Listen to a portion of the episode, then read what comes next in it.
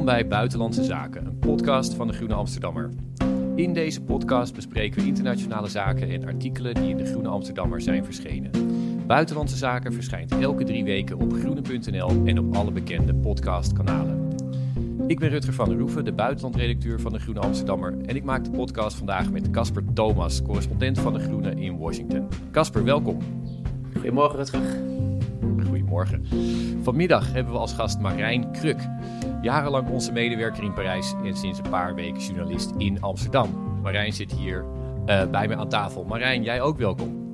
Goedemiddag, of moet ik ook goedemorgen zeggen? Ja, het is hier. Voor ons is het, voor ons is middag. Goedemiddag. Hallo. We gaan met z'n drieën praten over Frankrijk. Over de presidentsverkiezingen die net als vijf jaar geleden eindigden in een overwinning van Emmanuel Macron op zijn radicaalrechtse uitdager Marine Le Pen. Er ontploft dus geen bom in het Franse en Europese bestel, maar het is helder dat Frankrijk met enorme politieke problemen kampt. Daar gaan we in ieder geval naar vragen. Uh, en daarna spreken Casper en ik in onze rubriek Historische Woorden over Robert Golob, de nieuwe premier van Slovenië, die met zijn groene partij van nul zetels de grootste werd. Van nul dus naar uh, de winnaar en opnieuw een rechtspopulist wegduwt van het plusje in een centraal Europees land. En daarmee is hij de derde binnen één jaar tijd. En tenslotte spreken we over de Verenigde Staten en Oekraïne. Joe Biden is als president vastgelopen met zijn binnenlandse agenda en werpt zich enthousiast op zijn rol als oorlogspresident. Wat speelt erbij mee en hoe wordt dat politiek beleefd in de Verenigde Staten? Daar hebben Casper en ik het straks over. Maar eerst dus Frankrijk. Opnieuw president Macron. Marijn, kun je een ja. korte duiding geven van de uitslag zoals jij die ziet? Nou uh, ja, het is. Uh, wat op zich natuurlijk heel wonderlijk is, is dat eigenlijk, uh, ik zat er een beetje over na te denken, maar eigenlijk zijn er drie winnaars. Want uh, je hebt behalve zeg maar Macron, die echt een, uh, ja, toch echt een grote meerderheid heeft gehaald. En volgens mij, zeg maar afgezien van Chirac tegen Jean-Marie Le Pen in 2002, de president met echt, nou ja, niet eerder een president zo overweldigend herkozen is. Zeg maar, tegelijkertijd zou je ook kunnen zeggen dat Jean-Luc Mélenchon, dus de gestaald linkse kandidaat die die er na de eerste ronde weliswaar uitlag, maar eigenlijk ook een enorme, enorme klap heeft uitgedeeld met zijn 22% eh, van de stemmen. En Marine Le Pen is op haar manier toch ook een winnaar, want zij heeft, als je kijkt hoe zij, uh, uh, ja, als je haar score vergelijkt met die in 2017, dan heeft ze toch weer bijna zeven punten daarbij gehaald. Ja, het voelt, het voelt voor, voor mij, maar misschien zie ik het verkeerd. Het voelt toch heel erg als een tussenronde. Het bepaalt niet als een knockout eigenlijk. Zeker, absoluut. absoluut. En uh, dus Macron heeft gewonnen, maar eh, hij laat, ja, uh, hij gaat regeren over een land dat enorm in verwarring is, dat enorm verdeeld is. En uh, waarin ook, kijk, een trend is die, die zich nu eigenlijk manifesteert, waar, waarin die bestaande machtspartijen, dus de Parti Socialiste en de Republikein, echt weggevaagd zijn. Hè? Dus die beide kandidaten die zijn ook onder de, onder de 5% geëindigd in de eerste ronde. Wat betekent, dus Valérie Pécresse en uh, Anne Hidalgo uh, van de Partij Socialisten. Wat betekent dus dat zij ook geen aanspraak kunnen maken op, uh, op campagnefinanciering. Waardoor dus die partijen, zeker de Republikeinen, veel geld uitgeven. die komen echt in enorme financiële problemen. Dus dat, dat, dat zet zich ook voort. Maar jij, jij ziet het niet als een, ja, toch een beetje een magere overwinning van Macron. En een, ja, toch niet echt een over. Veel, nou, veel kijk, analisten kijk, zijn niet kijk, zo overtuigd. Kijk, kijk, het is geen magere overwinning. Het is alleen wat je natuurlijk in 2017 had, toen, toen, was hij, toen kwam hij echt, uh, toen was er een soort, ja, een soort revolutie vanuit het centrum, uh, waarin hij met een enorme sweep eigenlijk, niemand had eigenlijk echt verwacht, niemand had het echt zien aankomen. En Macron nu, die ontbreekt op een bepaalde manier een soort elan. En het is, ik vind het ook geen toeval dat hij eigenlijk gisteren, een uur na die verkiezing, plaatste hij een tweet waarin hij zei, uh, Frankrijk gaat een grande nation écologique worden. Mm -hmm. En zeg maar, dat wordt ons project. Uh, nou ja, uh, 14 jaar geleden had hij nog helemaal geen project. En dit project heeft hij gepikt van Jean-Luc Mélenchon. Hij, zodra hij verkozen is, bedenkt hij wat hij ermee gaat doen. Precies, precies. Tja. Casper, kun jij, um, hoe kijk jij er tegenaan vanaf een ander co continent? Is dit uh, een triomf van de, van de status quo? Ja, dat en, en ik zou toch in die zin dan wel toch willen pleiten voor een soort, de, laten we zeggen, liberaal-democratisch optimisme. Wat me, wat me opvalt in het debat hierover, over die verkiezingsuitslag, is dat Uh, la, je, je, vroeg, laat ik het zo beantwoorden. Je vroeg hoe zij, kijk je er vanuit, uh, vanuit Amerika naar. Als hier in Amerika een president zou winnen met bijna 60% van de, van de stemmen, dan zou dat als, dat zou dat als een landslide, als een, als een massa-overwinning gepresenteerd worden. En als zoiets gebeurt in Frankrijk, het is natuurlijk niet, een klein beetje appels met peren, maar ook weer net niet helemaal. dan, wordt, dan, dan gaat het eigenlijk over het feit dat. Het, het, gaat heel erg over de verliezers voor, voor een groot deel. Ook al zegt Marijn inderdaad uh, er zijn allemaal winnaars. Maar wat me opvalt is dat we in dit debat eigenlijk als het gaat over, laten we zeggen, politieke midden versus de, de, de, de extreme flanken. Uh, die extreme flanken op een bepaalde manier altijd winnen in, in, in de duiding. Zelfs als ze verliezen. Eh, ik, ik, kort hiervoor, ik sloeg de New York Times van dit weekend nog even open. Die had een kop, Marie Le Pen heeft al gewonnen. ik heb, en, snap je? En, en dat ging over, want ze heeft meer stemmen gehaald dan de vorige keer ik snap het. Er is een soort. Uh, het, breidt uit, je zei al, meerdere rondes. Uh, maar volgens mij moeten we toch ook gewoon even beginnen met het feit dat. als je hier een, een streep onder zet. dan wint hier uiteindelijk pro-Europees, pro-democratisch en, en het politieke midden. Dus, en dat, dat is gewoon een overwinning. Dus daar moeten we ook niet te veel aan afdoen. Ja, nou, ik, uh, ja, om daar toch even bij te blijven. Ik was zelf uh, buitenlandredacteur uh, voor Frankrijk op, bij Trouw in 2002. Toen, won, ehm, toen, toen verloor de, de oudere Le Pen, Le Pen senior, verloor toen in de tweede ronde met 88% van de stemmen. 80% van de stemmen. Dus ja, dat is toch wel wat anders dan, dan nu. Dus ik bedoel, het is allemaal niet één op één te vergelijken, maar ja, um, jij ziet het toch niet. Uh, de, de, New York Times is wel een erge zwartkijker, maar jij uh, ziet hier die, uh, die winst van extreem rechts of radicaal rechts. De, zie je toch niet zo? Nou ja, die is er wel, maar die, de, de, de winst is kleiner dan, dan de winst van de echte winnaar. Dus je moet het wel zeg maar, in die volgorde nog steeds behandelen en zien. En we zijn allemaal pessimist. Ik zie heel veel duidingen met een koerswijziging in Frankrijk is afgewend. Dan moet je je eigenlijk afvragen, nu met deze uitslag, hoe reëel was de kans op die koerswijziging eigenlijk?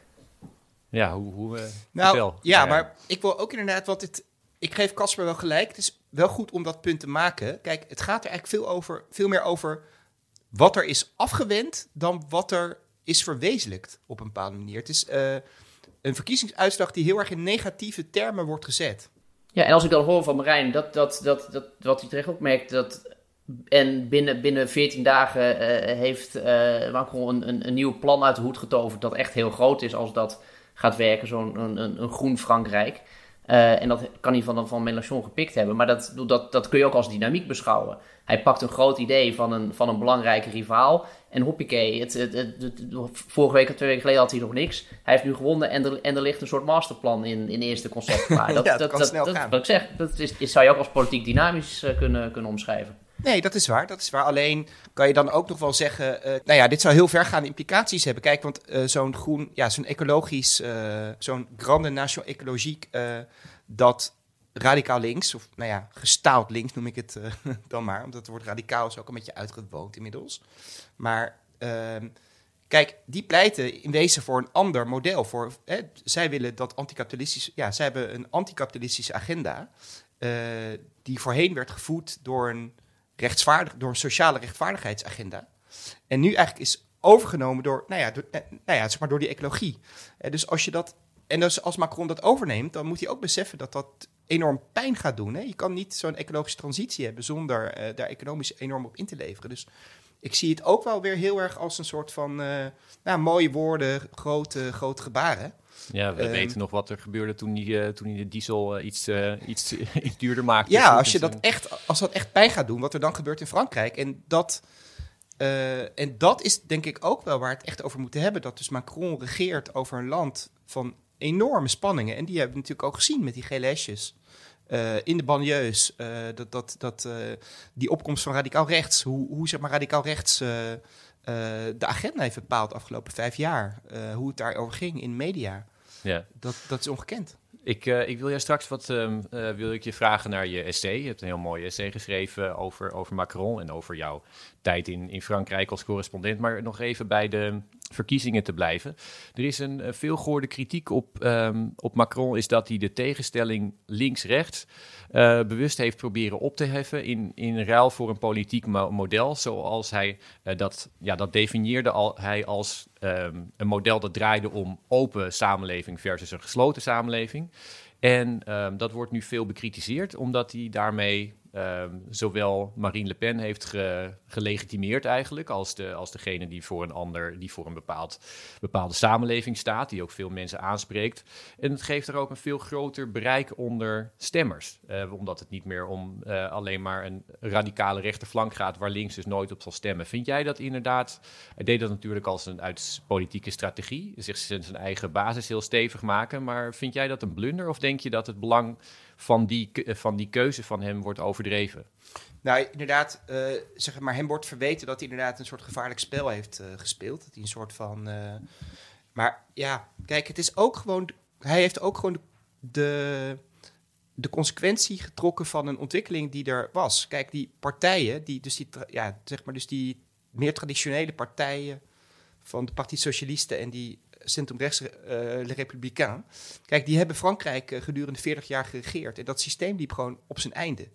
En dat waren echt een soort lege hulzen geworden. En Macron heeft dat gewoon omvergeblazen eigenlijk. En hij heeft, hij heeft iets gedaan wat, ja, hij heeft iets voltrokken wat, wat, ja, hij heeft iets definitief gemaakt wat er eigenlijk al toch al was. Dus uh, om dat hem echt kwalijk te nemen of hij dat als een soort kwade genius in elkaar heeft gezet, ik denk dat hij dat wel dat kwam, ja, dat kwam ook goed uit. -hmm. Ja, bovendien, dit is toch ook gewoon dan uiteindelijk, als je het zo doet, de, de kiezer wil blijkbaar geen traditionele grote partijen meer. Die wil blijkbaar bewegingen. Dat is, dat, ze hadden de op, er was een optie om, om op grote partijen te stemmen, op klassieke machtspartijen. Dus, dat, dus dat, het, het uithollen van dat model is, is, is geen top-down beweging, dat is een, een bottom-up beweging. Waarbij de ja. vraag is, gaat dat ook, slaat dat naar Nederland door? Zie je dat ook in andere uh, andere democratie ontstaan. Even korte parallel met de VS. Kijk, Trumpisme is natuurlijk gewoon een, een buitenpolitieke beweging geweest eigenlijk. Uh, Bernie Sanders was dat, uh, was dat op links. Uiteindelijk is Amerika toch weer een beetje in, in, in het traditionele midden uitgekomen. Maar het idee dat partijen gewoon vervangen worden door politieke bewegingen, dat is volgens mij een model dat overal in opmars is. Mm -hmm. ja. Uh, zeg Marijn, dat, dat essay dan. Je, je schreef dat Macron opnieuw zou moeten beginnen. Dat hij uh, Frankrijk uh, allerminst heeft geheeld. Dat was zijn, zijn project aan het begin. Maar ja. hij heeft het wellicht nog verder gepolariseerd. En polarisatie werd al als het centrale probleem gezien van het land. Ehm, maakt hij kans om het er nu beter vanaf te brengen, denk je? Ja, dat is een goede vraag eigenlijk. Ehm, ik weet dat niet. Dat, dat, dat, dat ehm, er zitten, nou ja, kijk, in dat stuk, kijk, kijk, in dat stuk het gaat er over een hele diepe revolutionaire politieke cultuur eigenlijk vanaf de Franse Revolutie. Eigenlijk, daar gaat dat essay over. En uh, uh, je zou kunnen zeggen dat natuurlijk gewoon dat land, dus die burgers en de macht zitten met elkaar gevangen in een soort dynamiek. waar het heel moeilijk is om die te doorbreken. En ik denk dat je, dat je het eigenlijk meer zo moet zien. Ik heb het ook opgeschreven dat Macron zou Frankrijk ja, zeg maar, ja, tot rust brengen, apaiseren. En als ik het nu over, op, opnieuw bedenk, dan zeg ik eigenlijk van ja, uh, zou die erin slagen om die, om die dynamiek te, te doorbreken, zeg maar. Die, dus die, nou ja, gewoon die Franse staat, die politie, die, die, ja, nou ja, zeg maar, die, uh, zeg maar, die daar dan uh, op, op loslaat. En die, ja, die voortdurende krachten onderop van, nou ja, zeg maar, protestbewegingen. En dat lijkt toch heel moeilijk. Dit, er lijkt een soort van fatale ja, zeg maar dat die twee elkaar een soort fatale greep hebben. Ja, en Marijn, in jouw stuk schreef je, ja, de straat wint altijd, is, staat er ergens. En toen dacht ik, uh, dat, dat, ik vond het een mooie vraag, toen vraag ik me af, als we nu dan terugkijken naar, naar, naar deze verkiezingen uh, en deze uitslag, uh, heeft de straat niet juist verloren? Nou ja, dat zal, dat zal moeten blijken als, er, als, er, als het concreet wordt. Dus als er concrete hervormingen komen. Dus als er dus inderdaad dus als het pensioenstelsel, want daar ging het ook onder uh, Macron om. Die grote hervorming die uh, begin 2019 ook toch wel schielijk weer van tafel is gehaald. Of die nu weer op tafel komt en dan dat, dat ja, maar dan, dan gaan we toch naar een, zeg maar een, een beetje traditioneel debat van, uh, van is Frankrijk hervormbaar? En dan blijkt het ja. antwoord eigenlijk altijd nee te zijn. Ja, ja. nou ja, um, kijk, natuurlijk ook Frankrijk verandert ook. Uh, het is natuurlijk ook een beetje een soort mythe.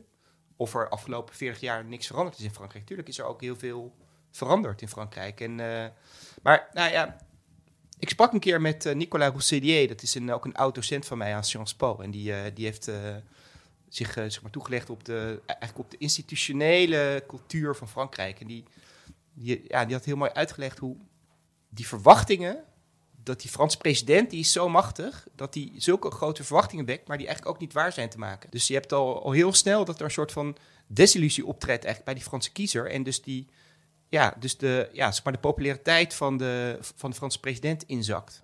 En uh, waardoor eigenlijk de enige manier ook om, om zeg maar hervormingen door te voeren is op een soort van autoritaire manier. En, maar je krijgt dan veel minder gedaan eigenlijk. Dus hij zei ook, dus die Roussier zei ook tegen mij van ja, dat consensusmodel wat er in Nederland is, dan krijg je echt veel meer, ja, veel meer gedaan. Mm Nou, dat is Ik dacht dat het andersom was inderdaad. Dat is ja, wel mooi. Ja, ja. ja.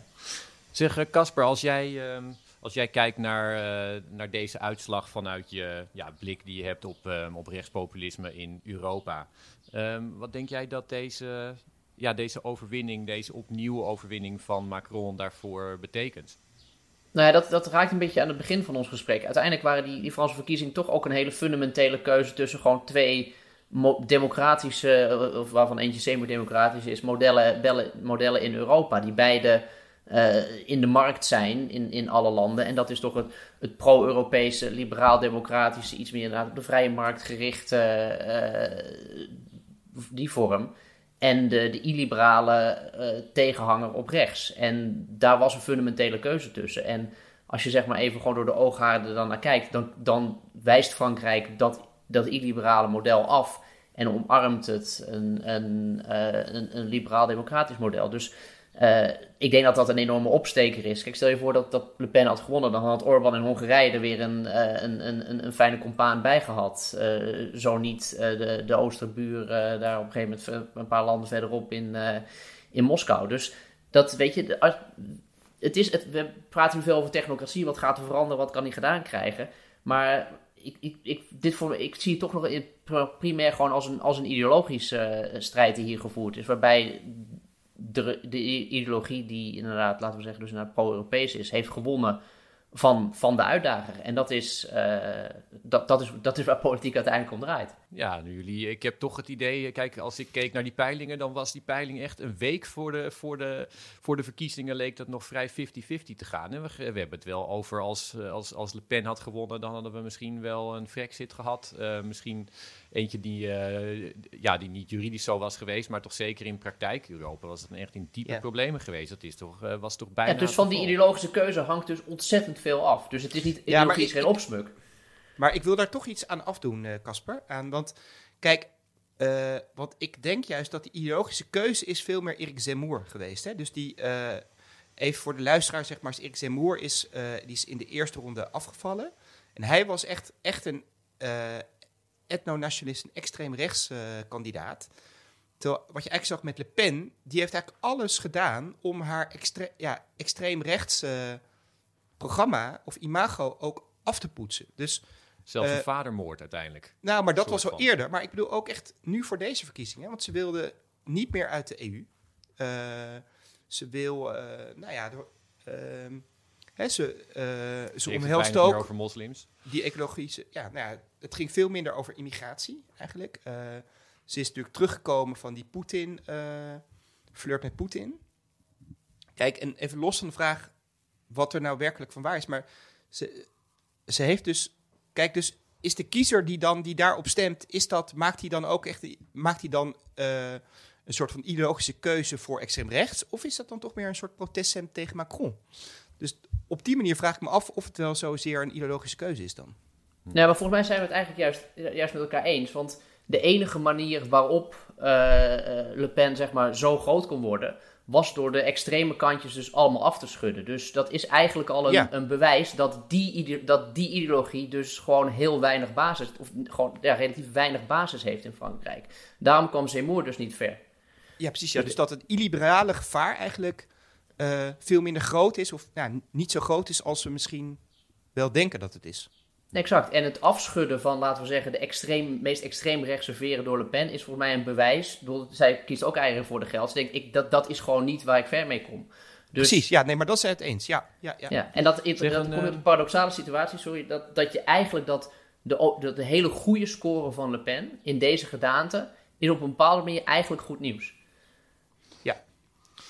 En uh, laatste thema wat ik jullie allebei nog even wil voorleggen. Als je deze uh, uitslag bekijkt en deze nieuwe overwinning van Macron, die heeft nu ja, eigenlijk een soort van de handen vrij. Die hoeft nu niet meer bang te zijn voor een enorme blunder die dan electoraal wordt afgeschaft. Wat betekent dat voor het, voor het politieke moment in Europa? Denk je, ik kijk eerst naar jou Marijn. bijvoorbeeld in de oorlog in Oekraïne heeft hij best weinig gedaan. Heeft Oekraïne niet erg, erg um, energiek gesteund. was natuurlijk lang bezig met praten met Poetin. En daarin ging hij, uh, ja, zat hij eh, op het verkeerde spoor, zeg maar. Heeft hij zelf ook uh, toegegeven. Wat betekent dat uh, daarvoor? Misschien andere politieke, poli de politiek in Europa die die wil gaan voeren voor, in de komende jaren? Ja, nou, ik denk, we moeten nog in die zin nog wel een voorbouw maken. Er komen nog, er komen parlementsverkiezingen aan. die echt die echt nog spannend worden. Het is echt niet gezegd dat uh, dus Macrons partij, dus En Marche, dus La République En Marche, die, die gaat winnen. Uh, uh, het zou zomaar kunnen dat Jean-Luc Mélenchon, dat zijn partij, dus La France Insoumise, daar, daar, daar, daar, daar voor een verrassing gaat zorgen. Maar inderdaad, kijk, uh, Macron die heeft natuurlijk enorm geijverd voor een sterker Europa. Hè? Dus hij sprak inderdaad uh, al begin van zijn uh, vorige mandaat over, dat, over die Europese soevereiniteit. Dus daar maakt hij. dus hij wil een soort van, nou ja, sterk Europa eigenlijk. Dus gaat hij daar. Ik vind het heel lastig te zeggen, want we zitten, dat hangt heel erg af van Duitsland. Wat gaat Scholz doen? Merkel was eigenlijk afgelopen vijf jaar niet echt meer nam geen initiatieven meer in die richting. Uh, we zitten nu ook zonder de Britten. Uh, ja, ik vind het heel moeilijk. Casper, wat denk jij? Nou, je, je ziet dat, dat uh, kijk, Biden kijkt naar Europa en die kijkt waar kan ik aanhaken, bij wie kan ik aanhaken om, om, om, om de steun voor Oekraïne vanuit Europa zo groot mogelijk op te kloppen boycotts, uh, wapenleveranties, et cetera. En ik, ik, je kunt er gevoeglijk van uitgaan dat uh, dit nu hier in Washington wordt gezien als mooi. Echt, de, de, de deur naar Europa staat echt in Parijs. Uh, op, dit, op dit front. Dus dat is, dat is denk ik wat, je, wat, daar, wat een directe consequentie van deze verkiezingsuitslag gaat zijn. De deur naar Europa staat in Parijs. Mooi gezicht, Casper. Uh, Marijn, heel erg bedankt voor je tijd. Graag gedaan. En wij gaan door met historische woorden. En nu dus historische woorden, onze rubriek waarin we een citaat bespreken van een politicus uit de afgelopen weken dat zomaar historisch zou kunnen worden. We hadden het hier opnieuw kunnen hebben over een van de vele historische woorden die de Oekraïense president Volodymyr Zelensky bijna dagelijks uitspreekt, of over zijn Russische collega Vladimir Poetin, die afgelopen week uh, weer een nucleair dreigement uitsprak. Maar in plaats daarvan gaan we luisteren naar Robert Golop, de leider van de fonkelnieuwe partij Vrijheidsbeweging die afgelopen zondag ook, net als Macron, de verkiezingen won in Slovenië. Tako da danes ljudje plešejo. Čakam, da boste vi začeli plesati. Res čakam, ker zunaj plešejo in dajmo še tukaj noter. Ampak jutri se pa začne nov dan in jutri bomo začeli trdo delati za to, da upravičimo to zaupanje. Vandaag dansen de mensen, morgen begint een nieuwe dag en gaan we werken om jullie vertrouwen te rechtvaardigen. Dus laten we dansen. Dat zei hij zondag nadat hij ehm, de winnaar was geworden in de parlementsverkiezingen. En hij leidde de grootste partij. Dat was een buitenparlementaire partij, dus die had nul zetels. En die haalde in één keer uh, meer dan een derde van, uh, van het aantal zetels. Um, duidelijk was dat, uh, dat bijna iedereen op hem ging stemmen die uh, aan de progressieve kant van het, um, van het spectrum verandering wilde. Want de afgelopen jaren is Slovenië heel erg gedomineerd door uh, rechtspopulisme. Had ook een rechtspopulistische premier, uh, een, een openlijke Trump-aanhanger. En iemand die het Hongaarse pad bewandelde, zoals, zoals Golop zelf zei. Golop is trouwens een oud ehm, manager uit een, uit een bedrijf, een ingenieur Um, en die wilde weer Slovenië normaliseren en weggaan van het uh, gelijkschakelen van de rechterlijke macht, het inperken van de media en al die andere dingen die ook Viktor Orban in, Hon in Hongarije doet. Tja, dus Dit is uh, toch een teken, ondanks de winst van die al genoemde Viktor Orbán in Hongarije, dat de populistische golf aan het weghebben is in Centraal-Europa. Vorig jaar uh, verdween André Babis van het toneel in Tsjechië en Boyko Borisov in Bulgarije. Dus ja, um, er is vaker gezegd dat uh, rechtspopulisme vanzelf zal uitoven als het aan de macht komt, omdat dan eigenlijk ja, de leegheid van het project um, aan het licht zal komen. Uh, dat wordt elke keer weer gelogenstraft door Viktor Orban. Maar uh, Casper, hoe zie jij dat? Nou, ik denk voor mij gaf jij een, een uitmuntende samenvatting van wat hier aan de hand is. Nee, Slovenië sluit eigenlijk aan bij een aantal grote politieke trends in, uh, in, in, in, in westerse democratieën. Er deden 19 partijen mee aan de verkiezingen. In de eerste rondes niemand haalde een, een, een, een meerderheid, dus je hebt de fragmentatie. Uh, vervolgens inderdaad gewoon de, af, de, de buitenparlementaire beweging. We hadden het net al even over in het, in, het blokje Frankrijk. Dus de verplaatsing van de politiek, het politieke zwaartepunt van grote partijen naar uh, vrij impromptu georganiseerde bewegingen. En inderdaad het afwijzen van het, van, van het rechtspopulistische model. Dus dat, uh, die, die drie trends, uh, die, die, zeg, daar sluit Slovenië bij aan, die versterkt Slovenië. Slovenië had ook een, ik even, een opkomst van 70%. Dus er is ook een keer democratisch enthousiasme.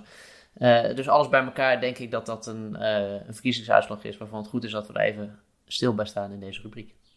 Ja, en ook gewoon echt fijn nieuws. Het is, uh, ik heb zelf wel um, uh, geschreven over, die, over de democratieën in Centraal-Europa. Het is voor veel mensen zo ontzettend beklemmend dat daar de, de vrijheid in het land zo, zo achteruit holt de hele tijd door, die, door partijen die, um, die daar de, de toekomst in zien en echt heel. Um, een heel goed teken dat dat in ieder geval in allerlei landen rondom Hongarije en Polen, die nog wel op die lijn zitten, begint uh, weg te ebben. Dus uh, wij hopen op meer.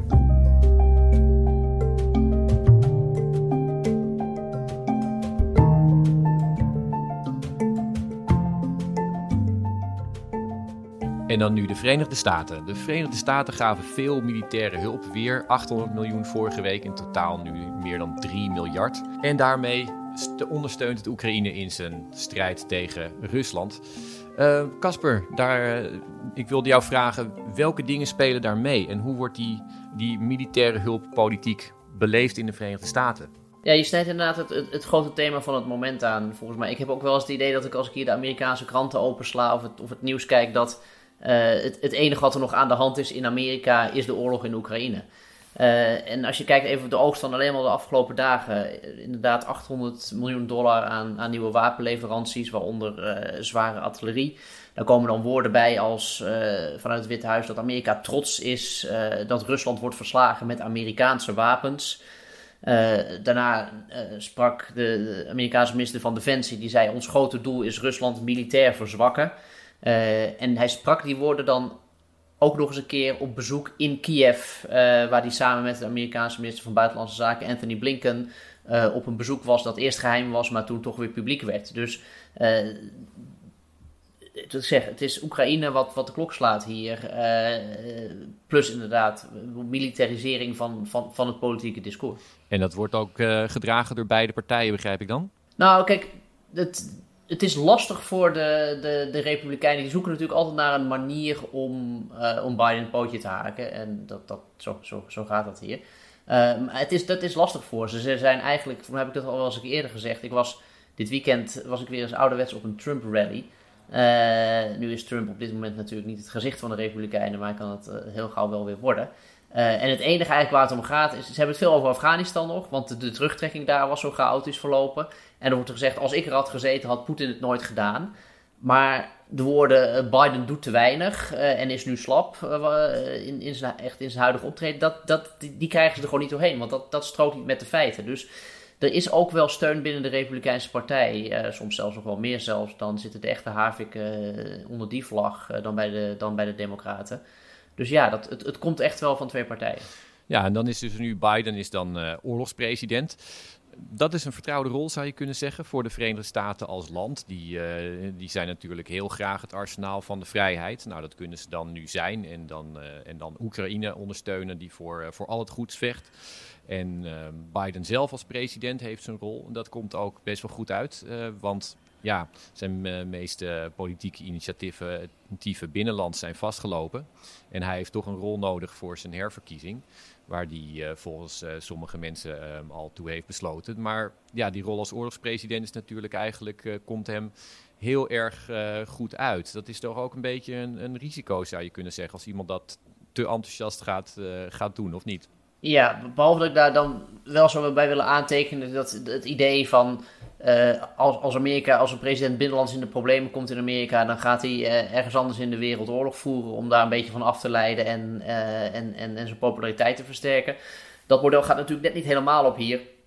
Het, het, het, is een reactieve oorlog. Het is uiteindelijk een, een, een, een defensieve.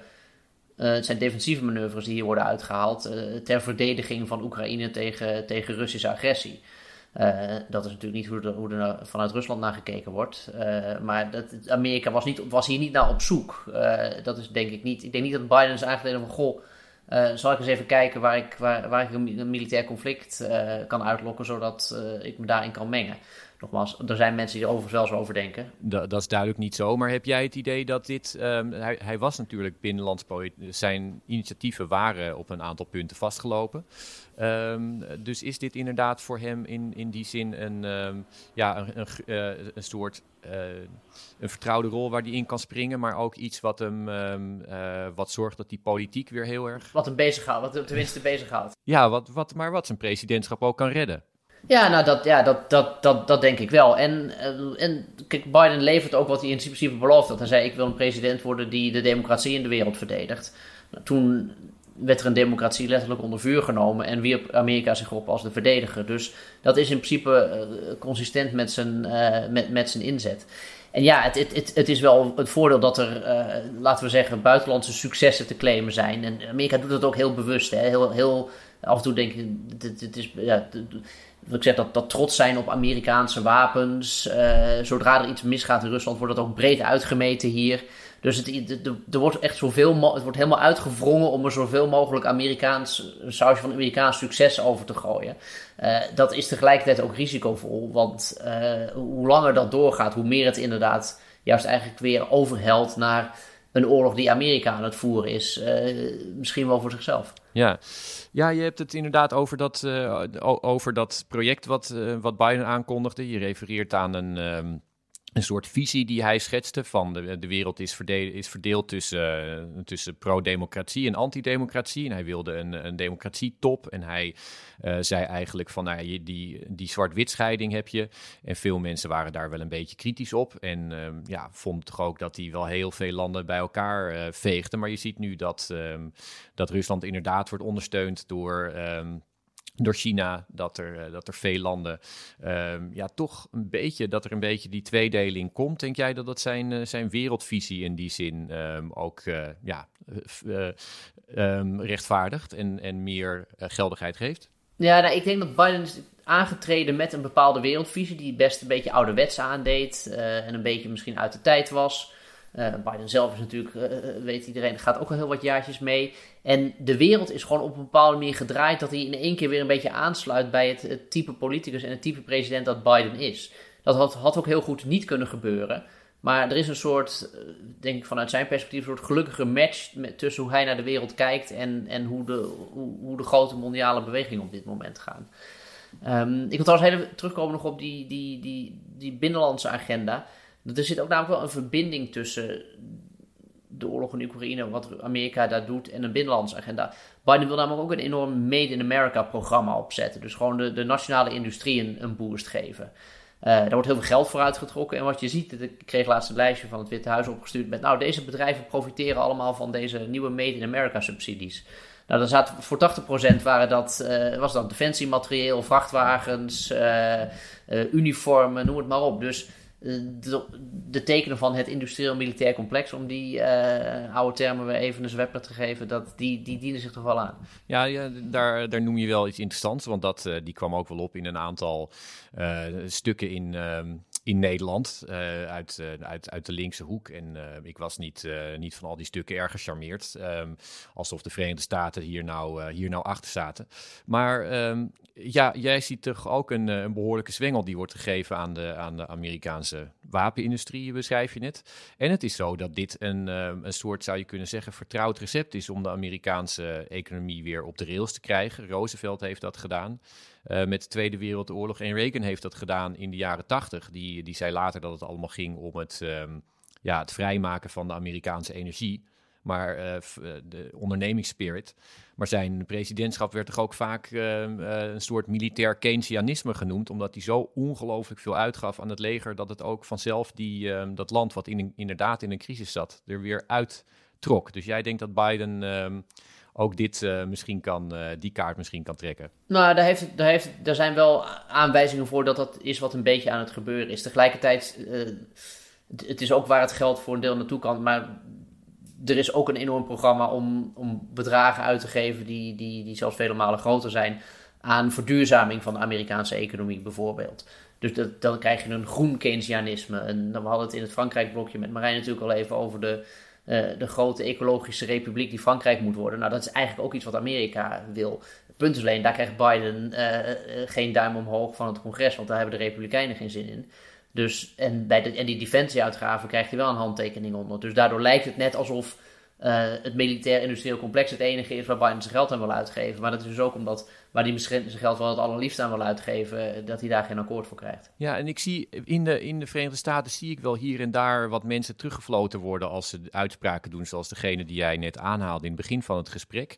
Um, Rusland in, in de Russische, uh, onder Russische commentatoren en um, ja, niet Poetin zelf, maar daar, daaromheen toch wel, waren veel mensen die zeiden, nou Rusland is, is eigenlijk nu al in oorlog met de NAVO. Want, um, en is al in, het, in oorlog met het Westen. En dat is natuurlijk hele gevaarlijke uh, retoriek. Maar dat werd toch ook geschreven vorige week door de defensiespecialist van The Economist. Die, zei, die schreef van, nou eigenlijk is Rusland het nu aan het opnemen tegen de hele militair-economische kracht van de NAVO. En jij uh, refereert net eraan dat Amerikaanse presidenten dat uh, zijn gaan zeggen. Dus dat creëert toch ook zijn eigen realiteit, zou je kunnen zeggen. Ja, nou ja, ik, ik, ik, ik denk dat die analyse dus, dus ook wel klopt. Uh, ik ben niet de, de, de, grootste expert die hier iets kan zeggen wat daar ook weer de risico's van zijn. Al kan iedereen ze natuurlijk wel bedenken. Maar het is wel, het is wel denk ik hoe Amerika uh, naar, naar dit conflict kijkt. Uh, gewoon als vanuit het ouderwetse idee dat zij de grootste motor van het NAVO-blok zijn.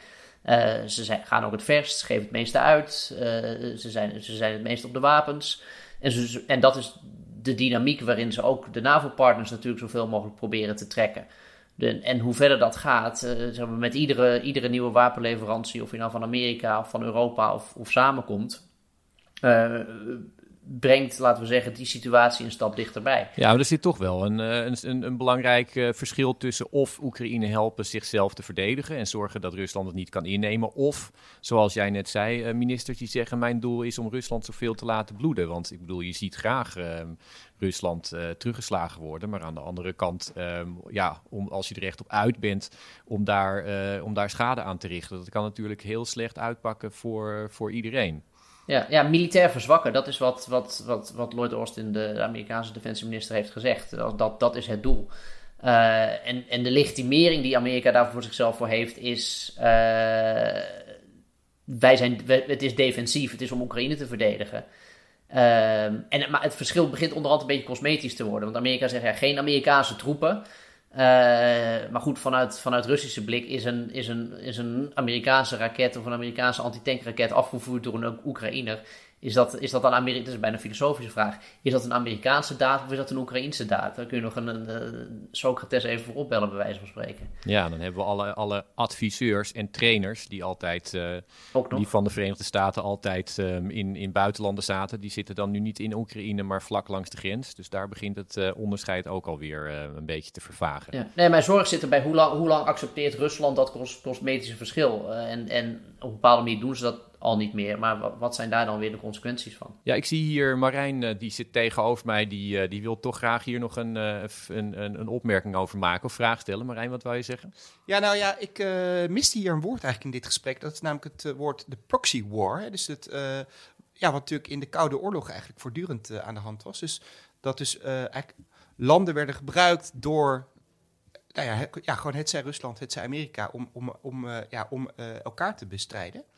En met een president die zulke taal bezigt, eh, eh, nou ja, is, er, is Oekraïne dan van, eh, ja, is er sprake van een proxy war of waarbij Oekraïne wordt gebruikt om, nou ja, strijd te voeren tegen Rusland? Of wordt Oekraïne geholpen door de- de- nou ja, om zichzelf te verdedigen? Ja, ik had hier, een, ik, ehm, ik had hier net een, eh, een interessant stuk toevallig over gelezen van eh, Lawrence Friedman, hoogleraar aan eh, King's College. Die heeft ehm, ook een boek On Strategy geschreven, een Britse hoogleraar. En die, die schreef daarover, die schreef, ja, hij was er niet voor dat, het, dat die term werd gebruikt. Ten eerste omdat er ehm, proxy war eigenlijk voor heel veel mensen iets, iets anders betekent. Dus het is eh, ja, eigenlijk een beetje vaag, maar ook omdat er wel in zit dat proxy wars eh, vaak werden aangesticht en bewust aangejaagd door, door anderen. En we hebben het hier, ja, dat zei Casper toch ook al, een land wat, eh, wat binnengevallen is. Ehm, en als de Verenigde Staten zich daar nu achter, eh, achter stellen, eh, dan is het gebruik van die term proxy war, die suggereert toch wel erg dat er een, ehm, dat eigenlijk de oorlog gaat tussen, tussen Amerika en Rusland. En dat is eh, precies wat, wat Poetin hier de hele tijd wil beweren, dat, Oekraïne, dat Oekraïne eigenlijk niet bestaat. En dat de oorlog tussen, tussen de Verenigde Staten en Rusland is, die eh, ja, nou eenmaal op het, eh, op het territorium van die nepstaat wordt uitgevochten. Dus hij, eh, hij wil dat wel afwijzen. En ik denk eerlijk gezegd dat dat hier eh, toch wel, eh, denk ik, een goede, een goede observatie is. Casper, wat, wat denk jij? Nou, het is wel goed dat Marijn dat, dat aansnijdt, want het is inderdaad een term die, die in deze, boven deze situatie hangt. Er is een soort, eh, een soort feitencheck die je zou kunnen doen om, om te kijken of het argument wat Rutger net maakte en wat die Lawrence Friedman ook maakte, eh, of, dat, of dat klopt. Kijk, totdat Biden aantrad en totdat het gerommel in, eh, aan, aan, de grens met Oekraïne echt begon, ging het alleen maar over China de hele tijd. Ze wil, ze, de, de grote vraag was, wat, wat wordt onze opstelling tegenover China? Dus en het, het ging helemaal nog niet over Rusland. Dan kun je zeggen dat we het uh, binnenskamers dan misschien allemaal gedaan. Maar uh, ik denk toch wel dat het aannemelijk is om te stellen dat Rusland was niet hetgene waar Amerika op uit was om mee bezig te zijn. Ze, ze werden ermee geconfronteerd. Dat gezegd hebbende, zien ze wel, denk ik, en daarmee zit je, zit je bij wijze van spreken dicht tegen een proxy war aan. Ze zien nu wel een gelegenheid om een belangrijke strategische rivaal van, van het land inderdaad te verzwakken. Ze hebben een argument om het, uh, om het land e economisch nu uh, de verdiening in te helpen met sancties. Ze hebben uh, een argument om een, een land. ze vechten niet namens Amerika, maar ze zeggen: ja, luister eens, wij willen dat. We willen de Russische agressie stoppen, dus we doen er alles aan. maar we sturen geen Amerikaanse soldaten. Dat, is dus de, dat wordt inmiddels ook wel de, de, de allesbehalve optie genoemd hier. Dus Amerika is bereid alles te ja, doen. Adviseurs. Maar... En adviseurs, ja, die adviseurs inderdaad. Um, dus ik denk dat ze, ze zien gewoon, het is, ze zien een gelegenheid. Maar de, de, als de gelegenheid de, de dief maakt, uh, of in dit geval de gelegenheid de, de proxy war, de gelegenheid is wel gecreëerd door Rusland. Uh, en, en dat is uiteindelijk voor mij de reden waarom je de term gewoon net niet helemaal op dit, inderdaad, op dit conflict kunt plakken. Ja, ja, ja. Ja, en ook het woord adviseurs is dan gevaarlijk, want dat werd gebruikt uh, door de Verenigde Staten voor uiteindelijk uh, 9 en, en, later nog 12.000 man die in Zuid-Vietnam Zuid aan het vechten waren. Maar uh, ja, dat is hier dus, dus echt wel anders. Maar dat waren wel boots on the ground. Boots on the ground. Goed, hartelijk dank. Casper, wij, wij houden dit hier heel scherp in de gaten in de toekomst. Dat lijkt me altijd een goed idee. U luisterde naar Buitenlandse Zaken, een podcast van de Groene Amsterdammer. U hoorde Rutger van der Hoeven en Marijn Kruk vanuit Amsterdam en Casper Thomas vanuit Washington. Deze podcast werd gemaakt door Giselle Mijnlief. Dank voor het luisteren. En als u meer van ons wil lezen of abonnee worden van de Groene Amsterdammer, ga dan naar www.groene.nl.